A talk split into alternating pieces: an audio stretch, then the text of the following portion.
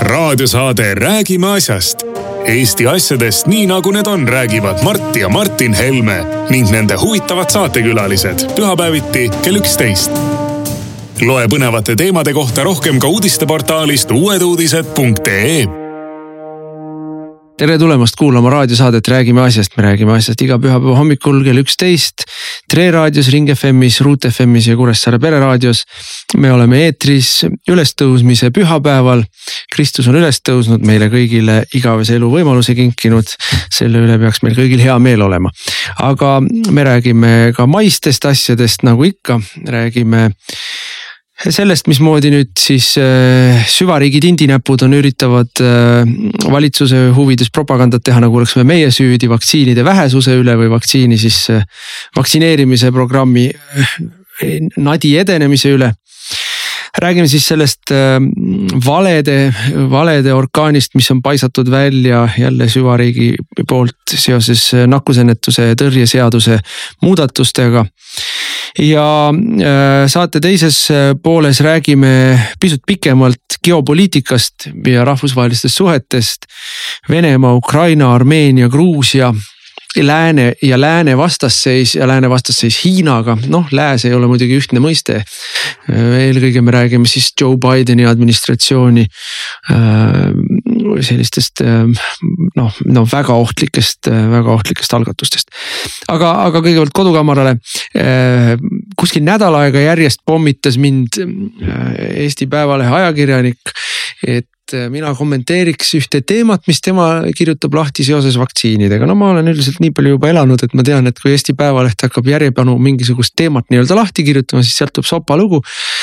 Ja, ja siin on vaja ära mainida ka, kes on kirjutaja, kirjutaja on ju Raimo Poom ja Raimo Poom. Äh, ühes saates me küll ütlesime, et me olime sunnitud temaga isegi nõustuma ühes küsimuses.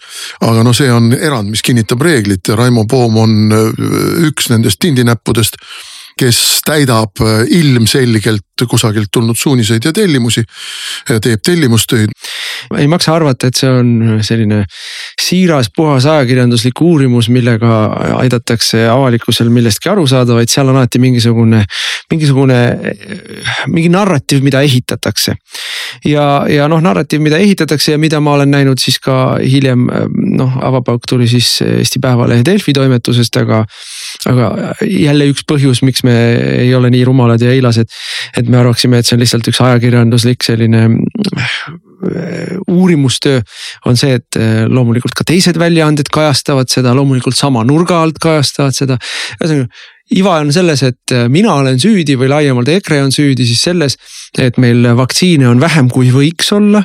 sest et Tanel Kiik tuli juba meil augustis ja uuesti oktoobris ja uuesti novembris valitsusse erinevate rahataotlustega ja me kukkusime jaurama nende rahataotluste peale.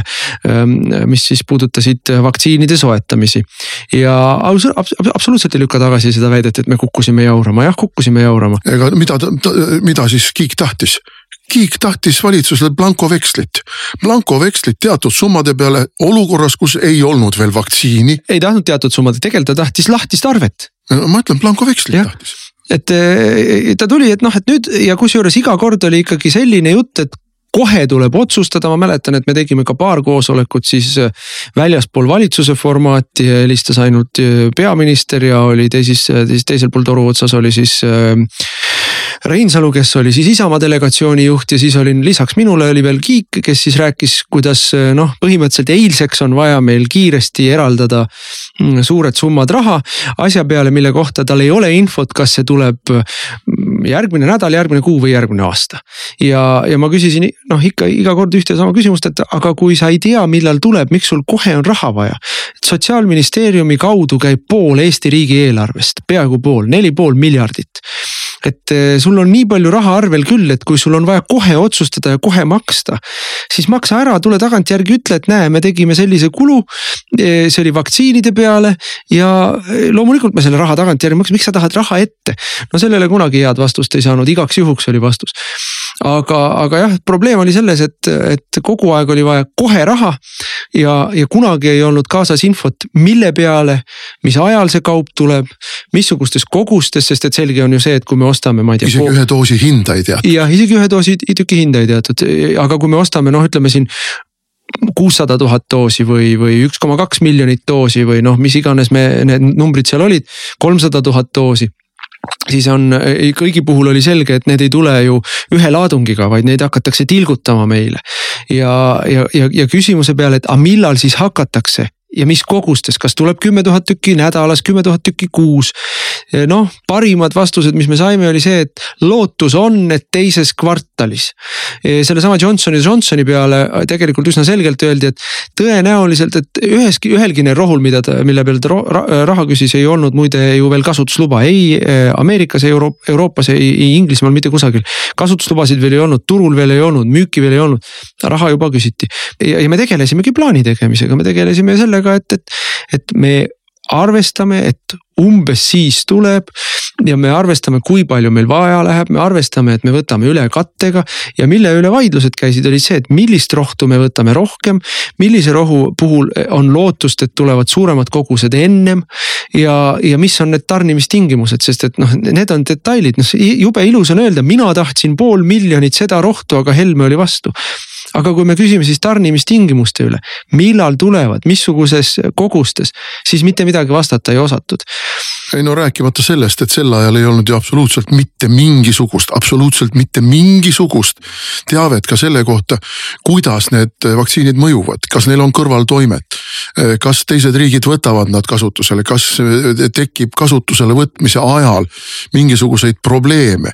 kas riikidevahelised jaotussüsteemid on paika pandud, seda kõike ei olnud, seda kõike ei olnud. nüüd me teame, et AstraZenecat on vahepeal siin keelustatud ja tervete riikide kaupa on öeldud, et nad seda kasutusele ei võetud, siis on räägitud sellest, et alla kuuekümne viie aastastele, siis tuli välja, et üle kuuekümne viie aastastele.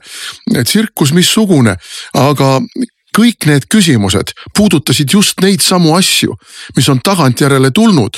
ja siis ütleb Raimo Poom, et Helmete jaur on meid ilma jätnud vaktsiinist. ei ole, Helmete jaur puudutas konkreetselt neid küsimusi, mis on tänasel päeval ajakirjandusest korduvalt ja erinevatel moodustel läbi käinud. ja, ja, ja me tahtsime teada, me tahtsime juba protsessi käigus saada maksimaalset informatsiooni ja seda informatsiooni me ei saanud. ja sellisel juhul oli meie seisukoht selline, et me ei saa anda blankovekslit asjadele, mille kohta meil ei ole piisavat teavet. aga ma ütleks, et Helmete jaur tegelikult aitas meil vaktsineerimisele kaasa, sest et meie jauramise tõttu Äh, saatsime me Taneli nii-öelda tagasi kodutööd tegema ja ütlesime, et tule tagasi nende variantidega. mis on äh, niimoodi lahendatud, et meil on võimalikult vara võimalikult suured kogused, mitte võimalikult hilja võimalikult suured kogused, me tahtsime, et vaktsineerimise saaks alguse võimalikult kiiresti. et me saaksime juba jaanuaris, veebruaris, märtsis doosid kätte, mitte nii nagu öeldi, et alates juulist hakkad saama, alates augustist hakkad saama. selle rohu tõenäosus on kahekümne kahe teise aasta alguses alguseks hakkame suuremaid koguseid saama. et loomulikult me selliste, selliste lubaduste peale ütlesime, et aga, aga mida me praegu paneme sinna alla raha. ja noh, teine oluline punkt, mille üle me ka jaurasime, oli, oli seesama teema, mis samuti on hiljem vastu vahtimist lennanud. Mm, kogu logistika kuhu tulevad, kellele tulevad, kuidas jaotatakse, Tanel käis korduvalt meilt küsimas raha ju igasuguste sügavkülmikute jaoks ja igasuguste nõelte ja. ja, ja süstlate jaoks ja süstijate lisapalga jaoks ja kõige selle jaoks. ja, ja jälle tuleb küsima, mul on vaja kaheksat miljonit, et süstimine läbi viia, ma ütlesin, et aga kirjuta lahti, kuhu see kaheksa miljonit läheb, mille peale see läheb. oi ei, noh, seda me ei ole jõudnud teha, no, no aga kirjuta lahti, kui sa tuled rahataotlusega, ütled suvalise laest võetud numbri, mul on vaja no ja, ja noh, ei saa niimoodi ju teha, niimoodi ei saa riigi rahakotiga ringi käia. et, et mul on vaja noh. ja, aga nii on käidud sellega ringi kogu aeg ja selle tulemus ongi see, et Eestist on saanud üha rohkem ja rohkem äh, banaanivabariik.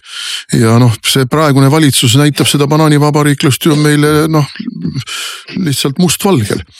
mustvalgel näitab, kui, kui ebakompetentselt raha lugemata raha täpselt sihitamata asju, asju aetakse, aga noh, ma ütleks muidugi kogu selle meievastase propaganda kohta, et, et no ega ma tunnen ju uhkust selle kõige üle. et meie sinuga oleme nii kõvad vennad, et me oleme terve Euroopa Liidu vaktsiini tellimuste asja ja kogu logistika kihva keeranud. et noh, see on ikka tõeline saavutus, me oleme ikka vingemad vennad kui Putin. ja no ja üks, üks aspekt veel, mille puhul, mida tuleb nagu kindlasti silmas pidada, mis on nagu foon sellele kõigele.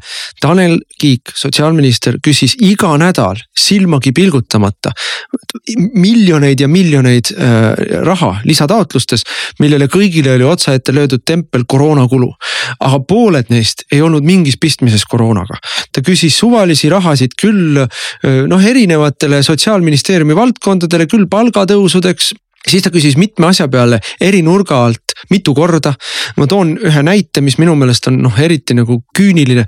Äh, juba eelmise aasta kevadel oli selge, et Eesti peab juurde ostma hingamisaparaate noh, tegime selgeks, kui palju Eestil on hingamisaparaate, tegime selgeks, mis on hingamisaparaadi hind. see oli sellel ajal, kui kõik ajasid mööda maailma taga maske ja, ja, ja muid neid isikukaitsevahendeid ja, ja, ja noh, mõtlesime kaks sammu ette, ütlesime, et meil on ka hingamisaparaate juurde vaja, panime tellimused sisse, saime, eraldasime raha.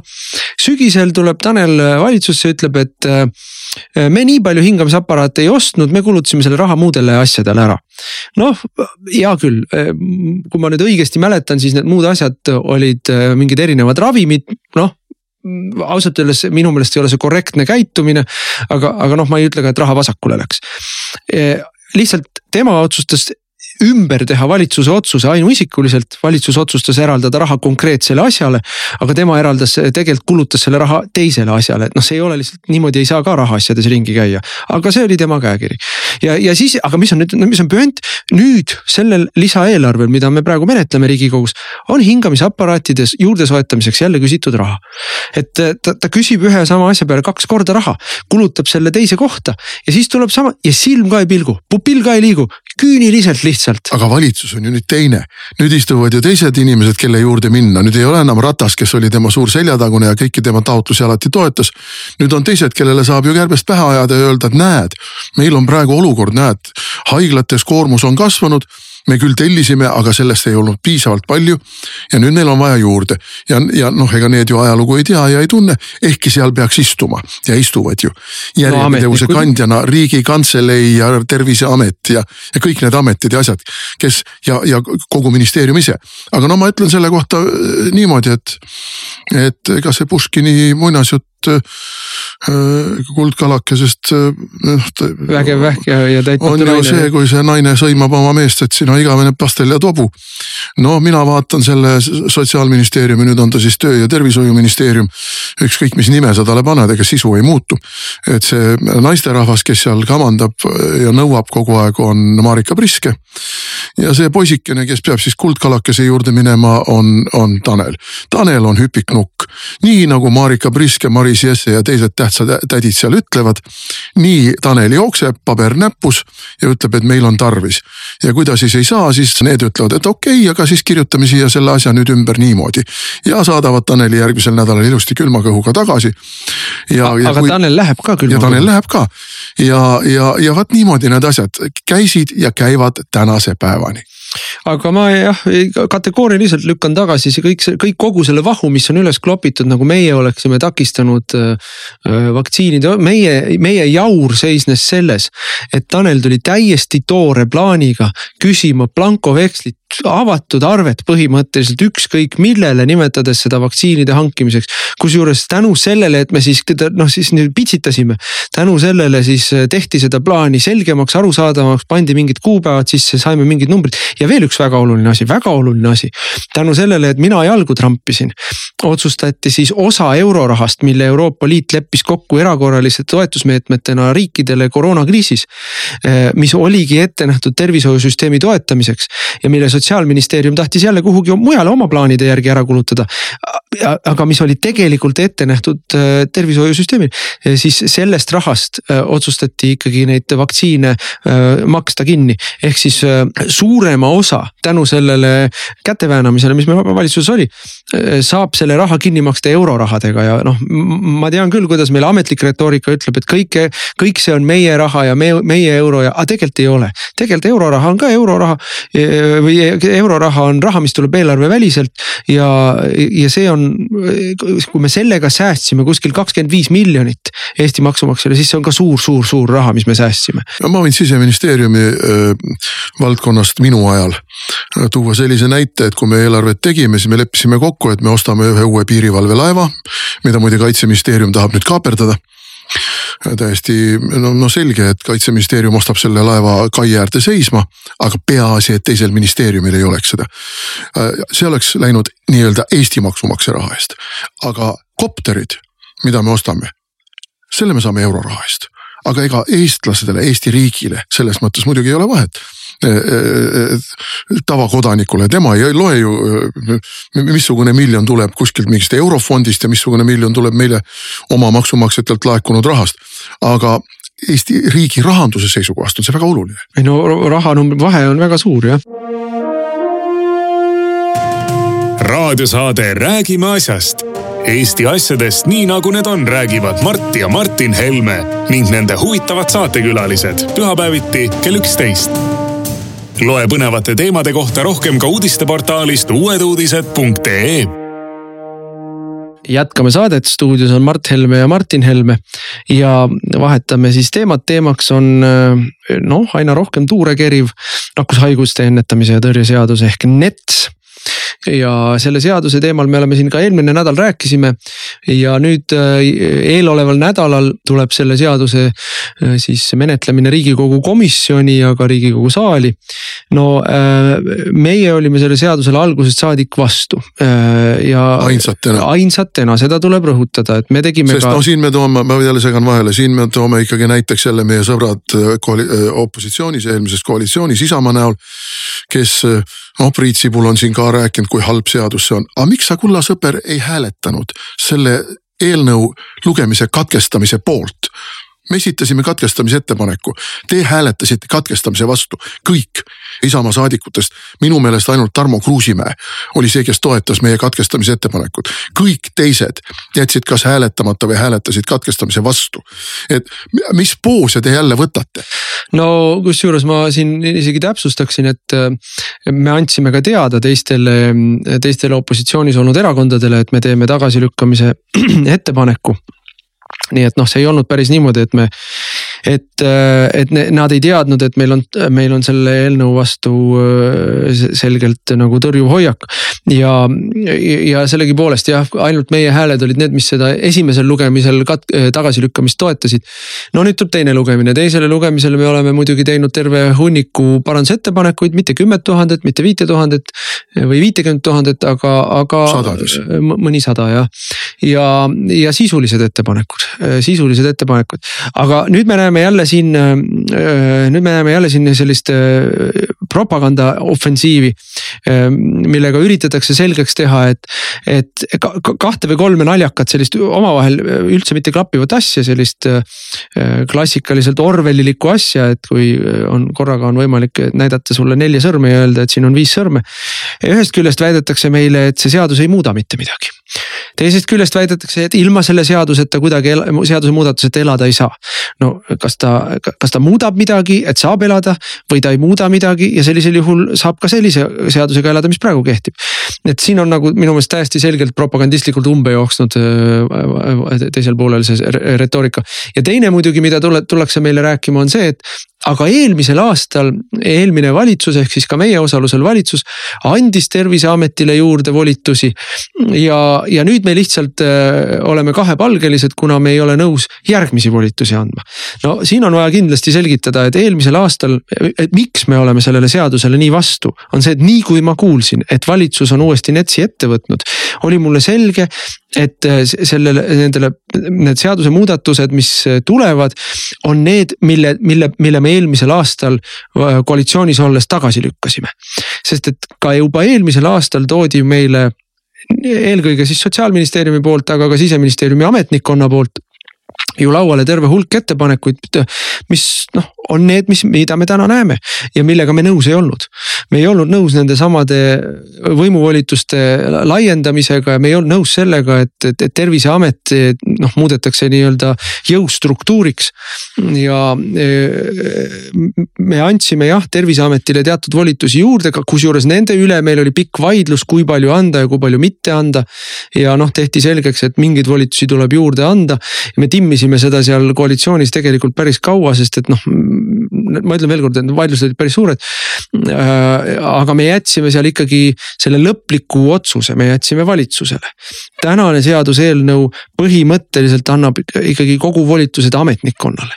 ja, ja need volitused on, on väga laialdased ja, ja noh, muidugi äh, neid volitusi müüakse meile valedega, see, see on see, mis on täiesti äh, minu meelest vastuvõetamatu, et ma käisin vaidlemas siseminister Jaaniga. kes noh, luges maha põhimõtteliselt reklaamteksti selle eelnõu kohta. ja see, ja see tema maha loetud või need hüüdlaused, mis ta ütleb, on lihtsalt selges vastuolus mustvalge tekstiga, mille nad ise parlamenti saatsid. ja, ja, ja noh, kui ta siis sellega vahele jääb, siis ainus, mis tal pobiseda on, on see, et aga me ei hakka kasutama neid volitusi. me ei hakka. miks teil üldse vaja on? aga miks siis vaja on, täpselt ei no selge on see, et see on äh, politseiriigi kehtestamise seadus. see on kodanikelt õiguste äravõtmise seadus ja, ja väide, et aga me ei hakka neid kasutama, me igaks juhuks lihtsalt äh, nagu keegi ütles, ma ei mäleta, et kui on ikka halbu inimesi, kes ei kuula sõna, siis peab olema võimalik neid, neid korrale kutsuda. no kõik on karistusseadustikus tänasel päeval olemas, kõik on olemas, kõik on olemas ka teistes seadustes. ka muide terviseametil on praegu väga suured volitused volitused, väga suured volitused. kui on mingisugune epideemia välja kuulutatud, siis terviseametil on väga suured volitused. nii et eh, kõik need asjad on olemas. Eh, mis, mm, mida ei ole, on see, et need asjad muutuvad alaliseks eh, selle seaduse kohaselt muutuvad kõik need represseerimisvahendid alaliseks. ja see, et ta on nakkushaiguste ennetamise ja tõrje seadus, see on absoluutne see on absoluutse kärbeste sumin, see on, see on, see on vale pähemäärimine. ta ei ole nakkushaige, haiguste ennetamise ja tõrje seadus. ta on repressioonide alalise kehtestamise seadus ja, ja sellepärast ei saa seda seadust vastu võtta. no ma pärast seda, kui olin käinud vaidlemas Jaaniga Postimehes, võttis sõna Elmar Vaher, politseiameti peadirektor, Politsei- ja Piirivalveameti peadirektor ja, ja noh, lobises välja tegelikult, lobises välja tegelikult, mis neile ei sobi ja äh, tsiteerin siin nüüd peast praktiliselt sõna-sõnalt ütles niimoodi, et täna on see probleem, et politsei ei tea, mida inimesed oma kodus teevad Ja, ja mina ütleksin niimoodi, et see on ikka suurte punaste tähtedega tuleks nagu ikkagi plakati peale kirjutada ja, ja, ja, ja inimesed peaksid nagu korra nüüd järele mõtlema. selline avaldus on olemuslikult probleem, sest politsei ei pea teadma, mida inimesed oma kodus teevad. probleem on see, et meil on olemas politseijuht, kelle arvates ta peab teadma, mida inimesed kodus teevad. meil on põhiseaduses paragrahv, mis ütleb, et kodu on püha ja puutumatu ja kodu on privaatne. meil on rahvusvahelised seadused, mis ütlevad, et äh, inimestele, inimestele ei tohi, inimesi ei tohi allutada sundravile või nendega teha protseduure, millega nad nõus ei ole meditsiini äh, mõistes ja selles NETS-is on väga eufemistliku sõnastusega sisse pandud ikkagi paragrahv, mis ütleb, et inimesi võib äh, epideemia olukorras allutada äh, raviprotseduuridele. see on sundvaktsineerimise paragrahv tegelikult. me võime, me seda eitatakse, seda eitatakse, aga see on sundvaktsineerimise paragrahv ja sellele sundvaktsineerimisele pannakse otsa kolmekümne kahe tuhandeline trahviähvardus äh, ettevõtjatele, kaheksasaja eurone trahviähvardus inimestele. aga, aga ma ütlen, see trahv trahviks äh, luuakse seadusandlik raamistik põhimõtteliselt inimeste äh, eravaldusesse minemiseks ja, ja, ja luuakse seadusandlik raamistik sundvaktsineerimiseks. ja nüüd veel üks väga naljakas asi, millele võib-olla inimesed ei mõtlegi. Äh, selles NETS-i muudatuses on kirjas, et politsei võib nii-öelda siseneda jõudu kasutades eravaldusesse ilma kohtu loata ilma kohtu loata. ja mm, võib viia seal läbiotsimisi vallasvaraga läbi. mida tähendab läbiotsimine vallasvaraga, no näiteks võib ta vaadata, mis on inimese käekotis. näiteks võib ta lahti murda inimese äh, šeifi või, või, või tema, ma ei tea, sokisahtlid, eks ole. või auto tagurpidi puistata ja, ja sotsiaalkomisjonis oli arutelu sel teemal ja, ja meie saadik Gerd Kingo küsis, et vabandust, miks on politseil vaja läbi otsida käekotti äh, epideemia tõttu mida te leiate sealt, kas kellelgi on purgi sees äh, siis äh, koroona või? kas kellelgi on kuskil autos ümbrikusse peidetud koroona või? miks on vaja nakkushaiguste ennetamiseks ja tõrjeks politseil vaja läbiotsimis, vallasasja ja kinnisasja läbiotsimisõigust piiritult ja tuleks ja täiesti sirge näoga räägib meile siseminister ja politseiameti juht, et aga me ei hakka seda kasutama. kas te nagu nalja teete, et ajalugu on algusest saadik, iga riik, iga võim näitab seda, et kui sa annad ametnikule või poliitikule võimu, siis nad kasutavad seda ja tuleb puudugi. kusjuures äh, käisin hiljaaegu ka Lõuna-Eestis ja seal üks inimene ütles mulle, et esimest korda Eesti Vabariigis on tal selline tunne ja ta, ta, ta, ta tunnetab, et see on ka väga paljudel teistel inimestel. et praegu tuleks minna ja Toompeal plats puhtaks lüüa. et see tähendab seda, et inimesed on ikkagi väga ärritatud. inimesed saavad aru, et kuritarvitades teatud ettekäändeid tahetakse neilt põhiõigusi ära võtta. ja permanentselt, selles mõttes, et mitte eri, eriolukorra ajaks, et me eelmine aasta kehtestasime eriolukorra, kus ka äh, terve hulk piiranguid tekkis ja terve hulk äh, õigusi tekkis juurde riigiasutustele ja, ja ütleme siis valitsusele. ja see oli kuueks nädalaks ja pärast seda enam ei ole neid õigusi. aga, aga tahetakse permanentselt, ma panen siia veel kõrvale ühe asja, miks, miks see nii kohutavalt meid ärritab ja murelikuks teeb. on, on ju see, on komplektis, see on komplektis vihakõne seadustega, see on komplektis äh, meediateenuse seadusega, see on komplektis äh, kõigi nende äh, muude selliste sammude ja meetmetega, millega üritatakse, see on komplektis selle jutuga, mida me siin nädal tagasi rääkisime, et äkki ikkagi valimisi saaks edasi lükata, see on kõik komplektis komplektis. ja, ja, ja kes meile selle komplekti on toonud? kaks ennast liberaalseks nimetatavat eh, siis parteid, mis praegu on võimul, mõlemad siis euroliberaalide ehk siis ALDE grupi parteid. et, et noh, täielikult maskid maha heitnud, täielikult. kõik see tuleb. absoluutselt, et, et see on ka üle-euroopaline, see on komplektis sellega, mis üle-euroopaliselt toimub, nii et. mitte ainult üle-euroopaliselt, ka üle ookeani. no just nimelt jah, loomulikult, et, et noh, see noh, see. me näeme, kogu see laine on vallandunud ikkagi pärast Ameerika Ameerika valimisi. jah, just täpselt ja Ameerika valimiste osas noh, me kõik saame aru, et Ameerika valimised ei olnud ausad ja see, see, mismoodi seal valimistulemused said, noh ei olnud, ei olnud, ei peegelda rahva tahet, mina olen siiamaani tänasel päeval selles veendunud. aga eh, noh, see noh, täna ei, ei ole meil plaanis sellest rääkida, aga me peame üks päev rääkima ka sellest, mis toimub Ameerikas Joe Bideni ajal. alates sellest, kuidas lõunapiir on avatud ja lõpetades sellest, kuidas tegelikult on võetud täiesti teadlik, täiesti selge kurss riigi pankroti kaardistamisele. Äh, ma arvan, et selles mõttes me ei ole siin üksi, et äh, äh, jah, erakonna mõistes riigikogu saalis me olime üksi selle NETS-i vastases võitluses. aga kui ma vaatan seda, millist resonantsi see on tekitanud noh, mingites ühiskondlikes sektorites, kus, kus ikkagi noh, täielik noh, täiesti tagajalgadel on inimesed, et riigikogu liikmetele tuleb massiliselt protestikirju riigikogu ees toimuvad miitingud või, või Pevkur süüdistas meid, et meie oleme seda organiseerinud. ei ole organiseerinud seda ei meie. ei ole organiseerinud mitte midagi. nüüd on ajakirjanduses ka visatud juba välja, aga kes selle kinni makstab? püüdega kuidagimoodi seostada jälle meie erakonnaga, et meie oleme jälle, jälle Kremli rahadega siin midagi kinni maksnud ja, ja midagi korraldanud. ei ole, meie käe, näpud on absoluutselt, meie näpujälgi kusagil ei ole. see on stihiline altpoolt tulev protest. aga liberaalid on võtnud seisukoha praegust äh, absurdselt äh, noh, tõesti see koroonaaeg on absurdne olukord. et praegust olukorda ei tohi raisku lasta kiirkorras ja noh, sisuliselt äh, üle laipade tuleb kehtestada liberaalne äh, totalitarism.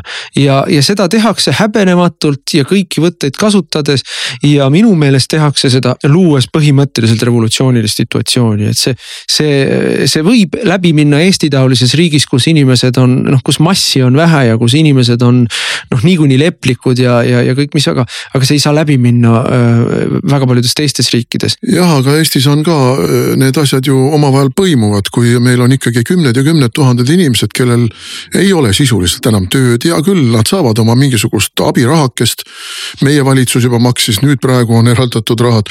aga inimestel elu sisu, elu mõte, ambitsioon, enese teostamise võimalus, see on kadunud. väärikus ka selle, mis kõige sellega ja, käib, kui sa tööl käid. ja kujutada ette, et pikendame, no pikendame kahekümne viienda aprillini, no siis pikendame kahekümne viienda maini, aga siis pikendame jaanipäevani.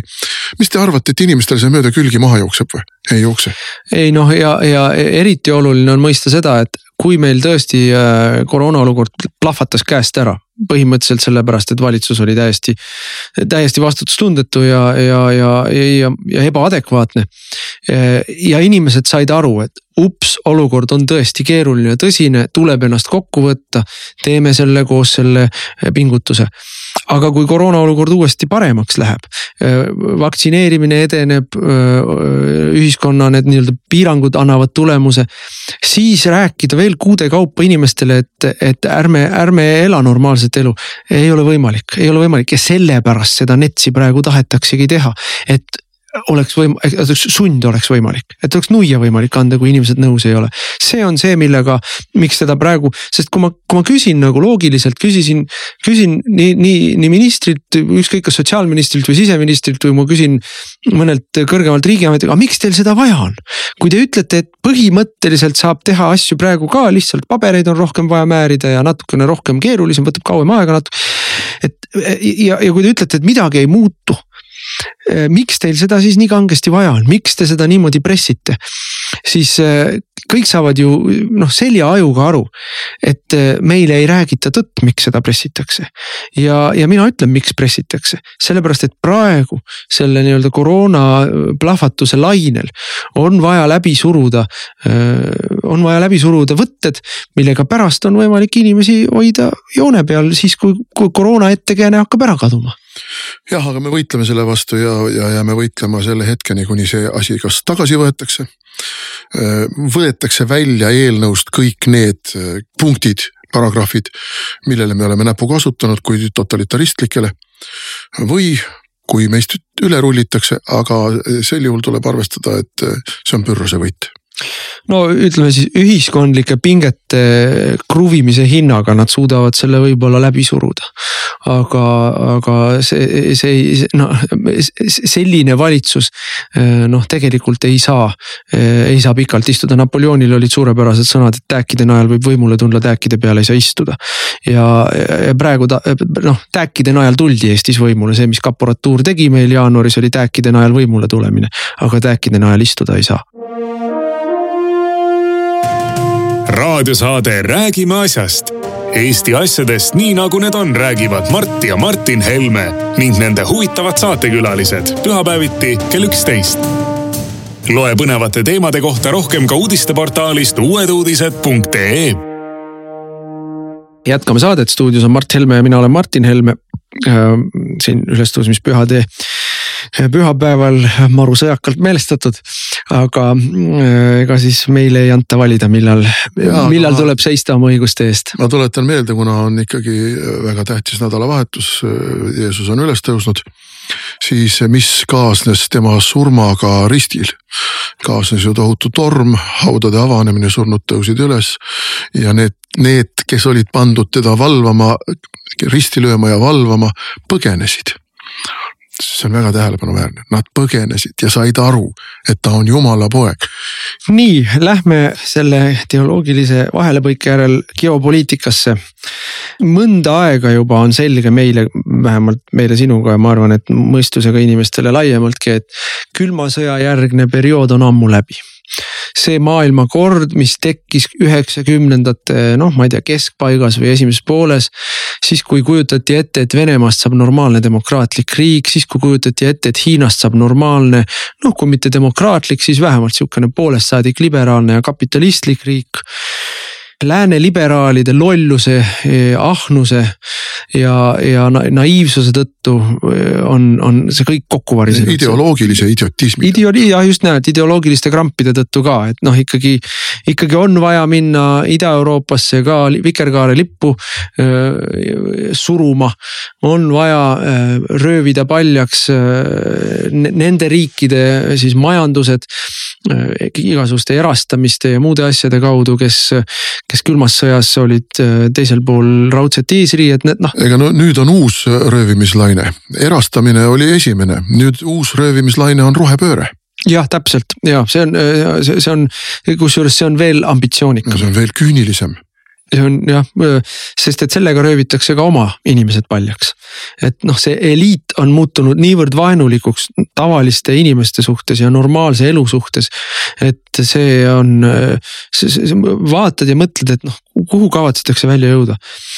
See eliit on põhimõtteliselt minu meelest otsustanud minna konfliktikursile Venemaaga ja põhimõtteliselt otsustanud minna ka konfliktikursile Hiinaga, ehkki see Hiina, Hiina ütleme siin see, see liin on oluliselt komplitseeritum, sest et äh, suur osa Lääne-Euroopa ja Põhja-Ameerika rahvusvahelistest suurkorporatsioonidest on niivõrd tihedalt äh, ennast lõiminud Hiina majandusega lihtsustatult öeldes saavad nii suurt kasu Hiina äh, laps orjatööjõust ja sellest, et seal saab ilma igasuguste keskkonnanõueteta toota. seal rohepööret. seal rohepööret ei ole ja sellest, et seal saab ilma igasuguste äh, loomaõigusteta kasvatada loomi ja, ja, ja, ja muid asju.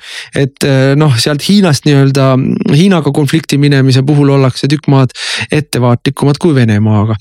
aga, aga noh, selge on see, et Hiina ja Venemaa ei ole, kui mitte liitlased, siis vähemalt on nad, on neil ühine vaenlane ja see on lääs. ei noh, me võime ju tuua teisest maailmasõjast näite, kui kas siis Ameerika Ühendriigid, Inglismaa ja, ja Nõukogude Liit olid suured sõbrad või noh, nad olid ju selged ideoloogilised vaenlased. aga neil oli omakorda ühine vaenlane. ja, ja seetõttu noh Venemaa ja, ja Hiina samuti, no neil on väga palju omavahelisi muresid ja, ja hirme. no eriti venelastel ja hiinlastel. eelkõige Vene poolel aga midagi teha ei ole. Nad on mõlemad äh, teatud surve all, neil on mõlemal ühine väljakutse esitaja. eelkõige Ameerika Ühendriikide näol ja, ja see sunnib neid paratamatult liidus olema ja aga noh, ütleme, kui me seda suurt pilti vaatame, noh äh, ma siia vahele torkan, et äh, Donald Trump oli esimene Ameerika Ühendriikide president ma arvan, et alates Reaganist, kes ei alustanud ühtegi sõda. ehk kolmkümmend aastat äh, järjest, et noh, ennem seda oli siis Ameerikas väike vahepaus olnud perioodil, kui nad olid väljunud, väljunud Vietnamist ja seal oli ka siis äh, noh, ütleme selline soovimatus mingitesse suurematesse, suurematesse konfliktidesse sekkuda, aga alates jah äh,. nii, nii Reagani ajal, kui, kui tegeleti küll ka väiksemate konfliktidega seal Ladina-Ameerikas. kui Clintoni ajal juba nagunii, siis olid Kosovo sõjad ja muud asjad.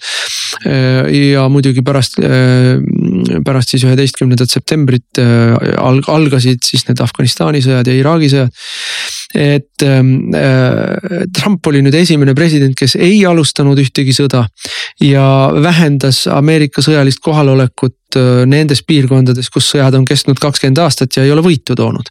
sest Trumpil oli väga lihtne küsimus oma kindralitele, et mis on meie eesmärk kas me võita ka kavatseme, kui me võita ei kavatse, siis mida me seal teeme? ja noh, kuna keegi ei kavatsenud võita, vaid selle sõja pidamine, noh, mis on Süürias, mis on Afganistanis, mis on, mis on Iraagis. oli, on, on siis noh, seal on kaks peamist eesmärki, üks on kontrollida teatud strateegilist ressurssi, see ressurss võib olla ka äh, logistiline, et sul on mingisugused, mingisugused äh, lahed või, või sadamad või lennujaamad või, või mingid transpordikoridorid sinu käest. ja, ja teine oli anda Ameerika sõjatööstuskompleksile noh, sihukest lõputut tellimust, lõputut tellimust ja lõputut äh, katsetamispolügooni. aga võita ei olnud kellelgi vaja. tellimuste esitamine, see on see, mille eest hoiatas juba viiekümnendate aastate lõpul Ike Eisenhower, Dwight Eisenhower. Kes ütles, et sõjatööstuskompleks võib muutuda nii võimsaks, et ta hakkab dikteerima poliitilist agendat ja, ja seda, mis toimub riigi välispoliitikas, noh see põhimõtteliselt on juhtunud. Aga murdejoon ei ole tegelikult praegu ainult Lähis-Ida, Lähis-Ida loomulikult on noh, kuidas ma ütlen, on see katla keemispunkt, see, kus see tuli kõige esimesena katla põhja, põhja soojendab. aga äh, katlas keeb muidugi kontsentriliselt äh, terve katel. ja, ja Vene, Ameerika ja see puudutab otseselt meid, murdepunkt on ikkagi esmajärjekorras Ukraina, Kaukaasia ja Baltikum. Ukraina, Kaukaasia ja Baltikum, need on Vene impeeriumi perifeersed alad, mis kord on keskuse Moskva kontrolli all, kord kontrolli alt väljas, kord osaliselt kontrolli all. et siin kogu aeg käib mingisugune selline õõtsumine, loksumine. ja, ja kui me nüüd vaatame ka viimase aja uudiseid, kuidas Venemaa on alga-, alustanud suuri õppusi Ukraina piiride lähedal millele on siis esitatud lääne poolt protest, millele Venemaa on vastanud, et oma territooriumil ma liigutan vägesid, kus ma tahan ja teen, mida ma tahan. mis põhimõtteliselt on tõepoolest ka iga suveräänse riigi õigus. siis äh, mina ennustan küll, et äh, ühes neist kolmest piirkonnast äh, on kõige tõenäolisem lääne ütleme siis tegelikult konkreetsemalt Ameerika-Vene konflikti ülekasvamine sõjaliseks konfliktiks ta võib jääda lokaalseks ja tõenäoliselt jääbki lokaalseks. no nagu külma sõja ajal ikkagi eelistatud lahendus oli see, et kohalike liitlaste kaudu ja siis instruktorite ja sõjalise materjali, materiaalse abi abil. aga sellel loomulikult saavad olema väga olulised geopoliitilised järelmid. ja nüüd, kui me, kui me vaatame seda asja Äh, ma, ma olen lugenud neid igasuguseid artikleid. noh, peab muidugi ütlema, et kõik artiklid on propaganda. no eriti Eesti meedias. no Eesti, Eesti meediat ei ole võimalik lugeda, noh, kõik need meie välis, äh, välisministeeriumi ja äh, mis ta on, välispoliitika instituut või mis ta. no kaitseuuringute instituut, välispoliitika instituut, meil on neid nagu kirjuid koeri. Need on need, need on need. Äh, need produtseerivad kõik propagandat. ja no need on need asutused, maksumaksja rahaga tehtud asutused, kuhu pargitakse siis maha jahtuma mingisugused lääne agendid mõneks ajaks. Äh, kes parasjagu poliitikas ei ole. nii et noh, nende, nende, nende, nende jutt on noh, ütleme seal, see ei pruugi rumal jutt olla, aga ta on väga selgelt tuleb mingi kindla nurga alt. aga noh, sama on ka Vene Ameerikat, täpselt samamoodi, need teevad Vene poole propagandat ja kui sa loed Ameerikat või mingist äh, Lääne-Euroopa asju, siis need teevad lääne propagandat. nii et noh, siin on tegelikult ikkagi pildi kokkupanemiseks on vaja natukene pusletada, aga noh. no kui, oma peaga mõelda on esimene asi. kui piisavalt palju materjali läbi töötada, siis on see võimalik. et kõik arvavad, et see on Ukraina, kus läheb, läheb andmiseks ja võib-olla ainult et äh, Ukraina puhul on on öö, olukord selline, et Venemaa on siin tõepoolest teatud sundviskes. samas Venemaa on kasutanud aega alates kahe tuhande neljateistkümnendast aastast ära väga oskuslikult. ja sõjalises plaanis manööverdanud ennast olukorda, kus tegelikult on tal Ukraina sisuliselt kolmest küljest nagu tangide vahel. Valgevene viimase poole aasta või aasta sündmused on tegelikult Venemaa positsiooni seal kindlustanud. Lukašenko on täielikult Venemaast sõltuvuses. muide vahele jälle ütlen, et kui Valgevenes toimusid valimised, siis minu meelest oli see noh, see, see jutt, mida Eestis muidugi räägiti seal demokraatiast ja kõigest sellest ja, ja opositsioonist ja see kõik oli noh, see, see oli, see oli, see oli nii ebainformeeritud või nii rumal. Valgevenes läks mässuks selle tõttu, et Venemaa, Putin äh, õpet-, tegi äh, siis Lukašenkole õppetunni. et Lukašenko jääb võimule ainult siis, kui ta küsib, palub Venemaalt abi. ja midagi ta peab selle abi eest vastu andma ja see, mis ta vastu andis, oli teatud sõltlas, sõltlassuhte suurenemine Venemaale.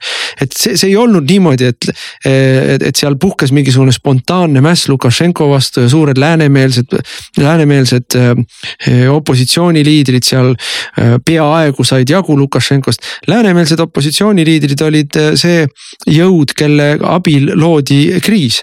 aga kriis tekkis selle tõttu, et, äh, et, et, Putin tõmbas oma toe Lukašenkolt üheks hetkeks ära. ja õpetas Lukašenkole õppetunni, et äh, sa ei saa hakkama ilma minu abita. no vot ja nüüd on Lukašenko olukorras, kus kui asi peaks minema sõjaks, siis Venemaa võib täiesti rahulikult liigutada oma vägesid läbi Ukraina või Valgevene territooriumi Põhja-Ukraina suunas, Põhja- ja Lääne-Ukraina suunas. täpselt sama on Krimm, rääkimata siis kogu Vene-Ukraina piirist tervikuna, aga see pilt on lihtsustatud, kui me kujutame ette, et Vene tankid hakkavad kolonnide kaupa liikuma Ukraina territooriumile. tänapäeva sõda peetakse teistmoodi. Venemaa on positsioneerinud ennast kolmest küljest nii, et ta võib anda Ukrainale nädalate viisi kaugtuld nädalate viisi kaugtuld. ja öelda siis ameeriklastele, no mis te teete siis nüüd oma sõbra Ukrainaga, tulete appi või? toote oma väed siia, me paneme kohe tule peale, näete, kogu aeg on tule all. nii et äh, see on oluliselt keerulisem olukord äh, geopoliitiliselt, kui seda lääne poolt vaadatakse.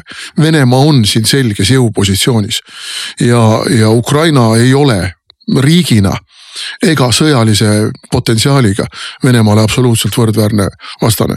tõsi küll, tuleb öelda, et eh, kahe tuhande neljateistkümnendast aastast alates Ukraina selline rahvuslik teadvus on konsolideerunud ja Venemaa mm, positsioonid Ukrainas tervikuna on nõrgenenud.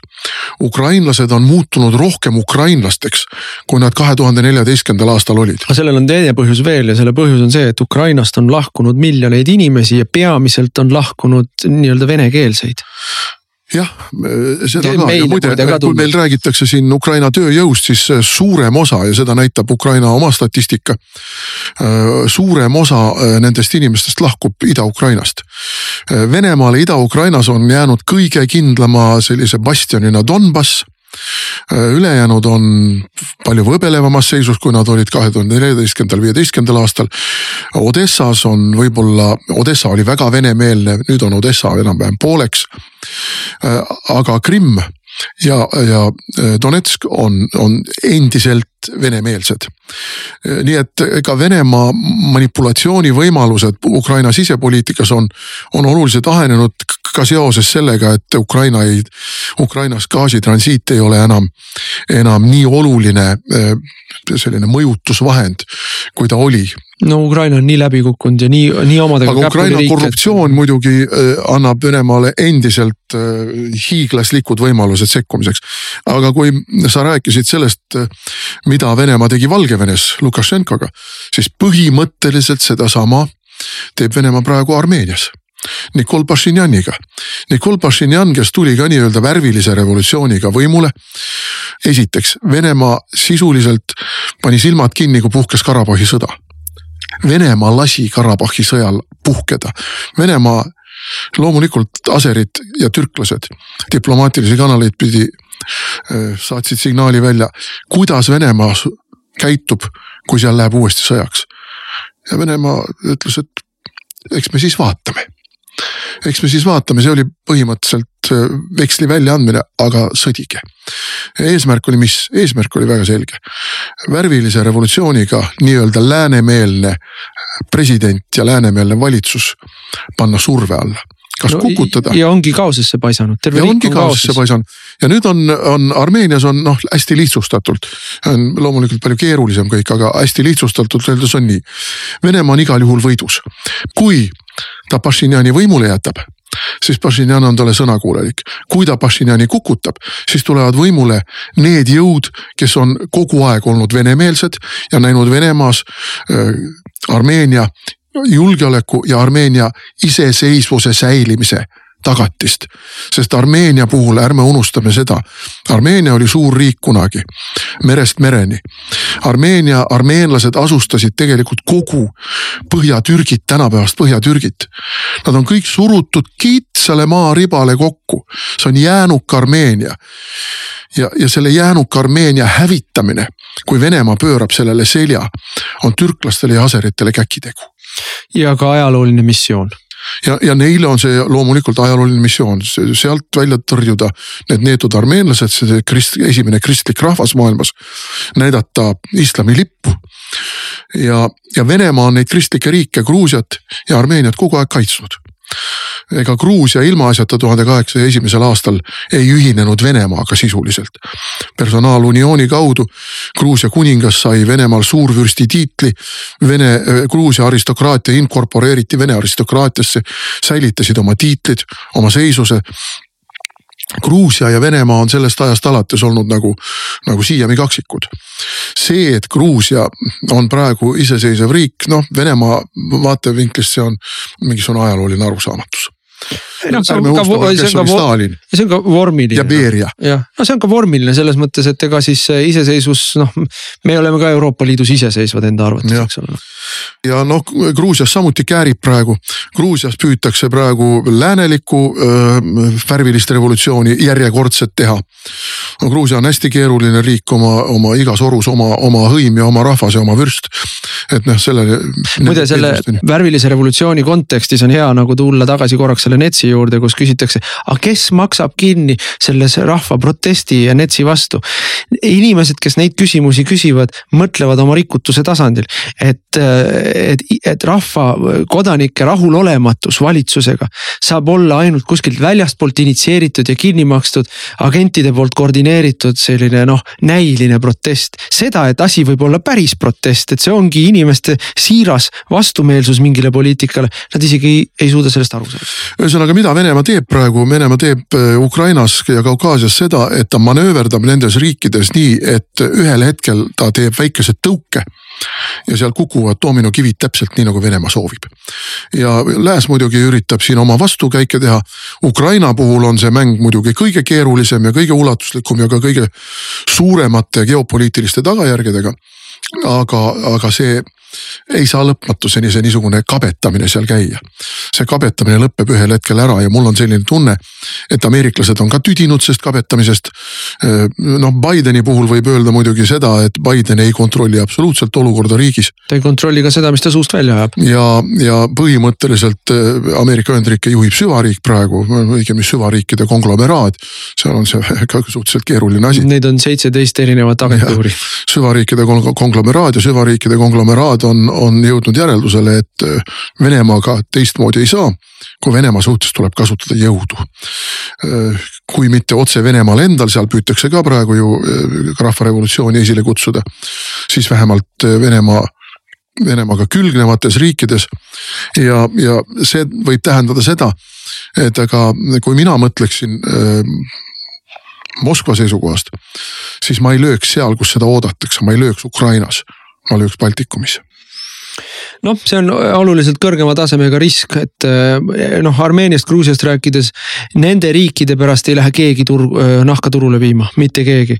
see on noh, ütleme siis selline regionaalne mäng, kus on loomulikult noh, täna me ei, ei ole, ei jõua, ei jõua rääkida, on loomulikult ka Türgil ja, ja Iraanil omad, omad vektorid on selles sees. ja noh, Ukraina on see, mis, mis on nagu suur, suur asi ja noh, Baltikumide, Baltikumi puhul ikkagi see, mis venelastel võita on, on sisuliselt NATO lagunemine mis neil kaotada on, noh kui siin päriselt läheb, päriselt aetakse konflikt nii teravaks, et tekib nii-öelda NATO ja Venemaa vastasseis, siis loomulikult Venemaa saab haledalt peksa ja siis on seal revolutsioon ja lagunemine ja kõik, mis noh, ühesõnaga neil on kaotada kõik. aga võita on neil ka väga palju, neil on võimalik võita seda, et prantslased, sakslased, noh, kes veel, eks ole, portugallased, hispaanlased istuvad, istuvad nii kaua, mökutavad, jokutavad ja kuni noh, tegelikult midagi ei tehta. ja, ja, ja siis ollakse juba fakti ees, et noh võeti ära siin kas tükikene Eestist või tükikene Lätist või tükikene Leedust. ja noh, ja siis äh, hakatakse läbi rääkima, lõputult läbi rääkima ja, ja, ja, ja räägitakse läbi ilma meieta, meid vahetuskaubana kasutades. no ma ei arva, kui ma istuksin jällegi Moskvas. noh, Narva ja, ja Ida-Virumaa oleks muidugi kiusatus, aga äh, see on tupik, Eesti on ju tupik kui me võtame nüüd Euroopa ja maailma poliitika poolt, siis Eesti ja Soome, need on tupikriigid. ja, ja seda tupikriigina sellise, sellise neutraalse läbirääkimiste platvormina kasutada kahe suure ploki või suurvõimu vahel. see elementaarne loogika. soomlased on loomulikult selle ära jaganud ja seda ilusti ekspluateerinud, väga targalt ekspluateerinud. tuleb neile tunnustust anda, aga see on sisuliselt neile ka kätte mängitud. nii nagu ei saanud valitsusse Kaja Kallas mitte oma tarkusest, vaid tänu sellele, et talle mängiti see ilusti kandikul ette. ja kui, kui ma istuksin Moskvas, ma annaksin löögi Leedu pihta ma annaksin löögi Leedu pihta ja ühendaksin äh, nii-öelda selle koridori Kaliningradiga arvestades ka seda, et Leedu on ka kõige teravamalt Venemaa vastu sõna võtnud. noh, ütleme niimoodi, et äh, jälle strateegiliselt Leedu puhul tuleb kohe mängu ka siis küsimus Poolas. Äh, see, see on nagu otsene oht Poolale. Läänel on kange kiusatus poolakaid mitte aidata, sest Poolas teatavasti ei ole liberaalseid väärtuseid esi, esi, esindav valitsus. Äh, mõnes mõttes on see ohutum noh, Eesti taolisele, kus meil on ALDE on võimul, Eesti taolisele ju ei saa kuidagi selga keerata. me ei saa ära unustada, et noh, tänasel päeval on läänes võimul jõud, kes on noh, ideoloogilised fanaatikud. mitte pragmaatikud, ideoloogilised fanaatikud. et ähm, noh, seal äh, noh, me ei jõua, esiteks me ei mõtle ise kõiki neid asju siin välja. Äh, sellise kiire, kiire geopoliitilise või geostrateegilise mõttemängude käigus. Äh, olukorras, kus nii, nii Moskvas kui kõikides teistes suuremates pealinnades on suured instituudid, mis istuvad ööd ja päevad läbi ja kus sajad inimesed mõtlevad neid stsenaariumeid ja, ja riukaid välja. ja mis kubisevad agentidest, kellel on hoopis teine informatsioon. just, aga, aga noh, ütleme selles mõttes seal on noh, seal on sellised, sellised mõõdud ju, sellised jälle niuksed aspektid juures, millega, millega noh, tegelikult tuleb arvestada, millega, mille puhul noh, sa pead need, sa pead need riskid ja, ja läbi kaaluma ja ettekujutus sellest, et meiega ei saa, ei saa mitte midagi juhtuda, sellepärast et meil on NATO NATO ja meil on artikkel viis ja see on äh, üheksakümnendate ettekujutus või nullindate parimal juhul ettekujutus.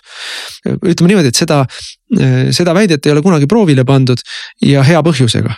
keegi ei taha seda väidet kunagi proovile panna, sest kui see väide ei pea vett, siis on noh kogu läänemaailma nii ideoloogiline kui poliitiline struktuur on tühistatud.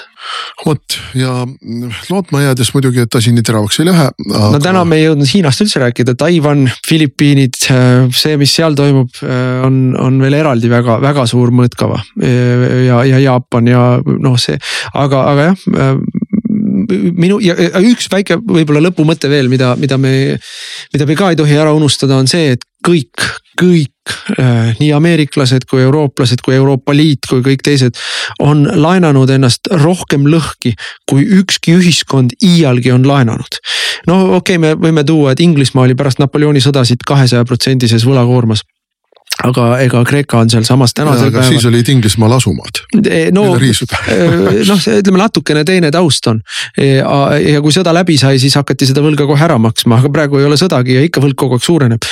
nii et ähm, Prantsuse revolutsiooni eelsel ajal oli Prantsuse kuningas võlga, mm, Prantsuse kuninga võlg oli, kui ma õigesti mäletan, seal kuskil kolmesaja protsendi juures SKP-st.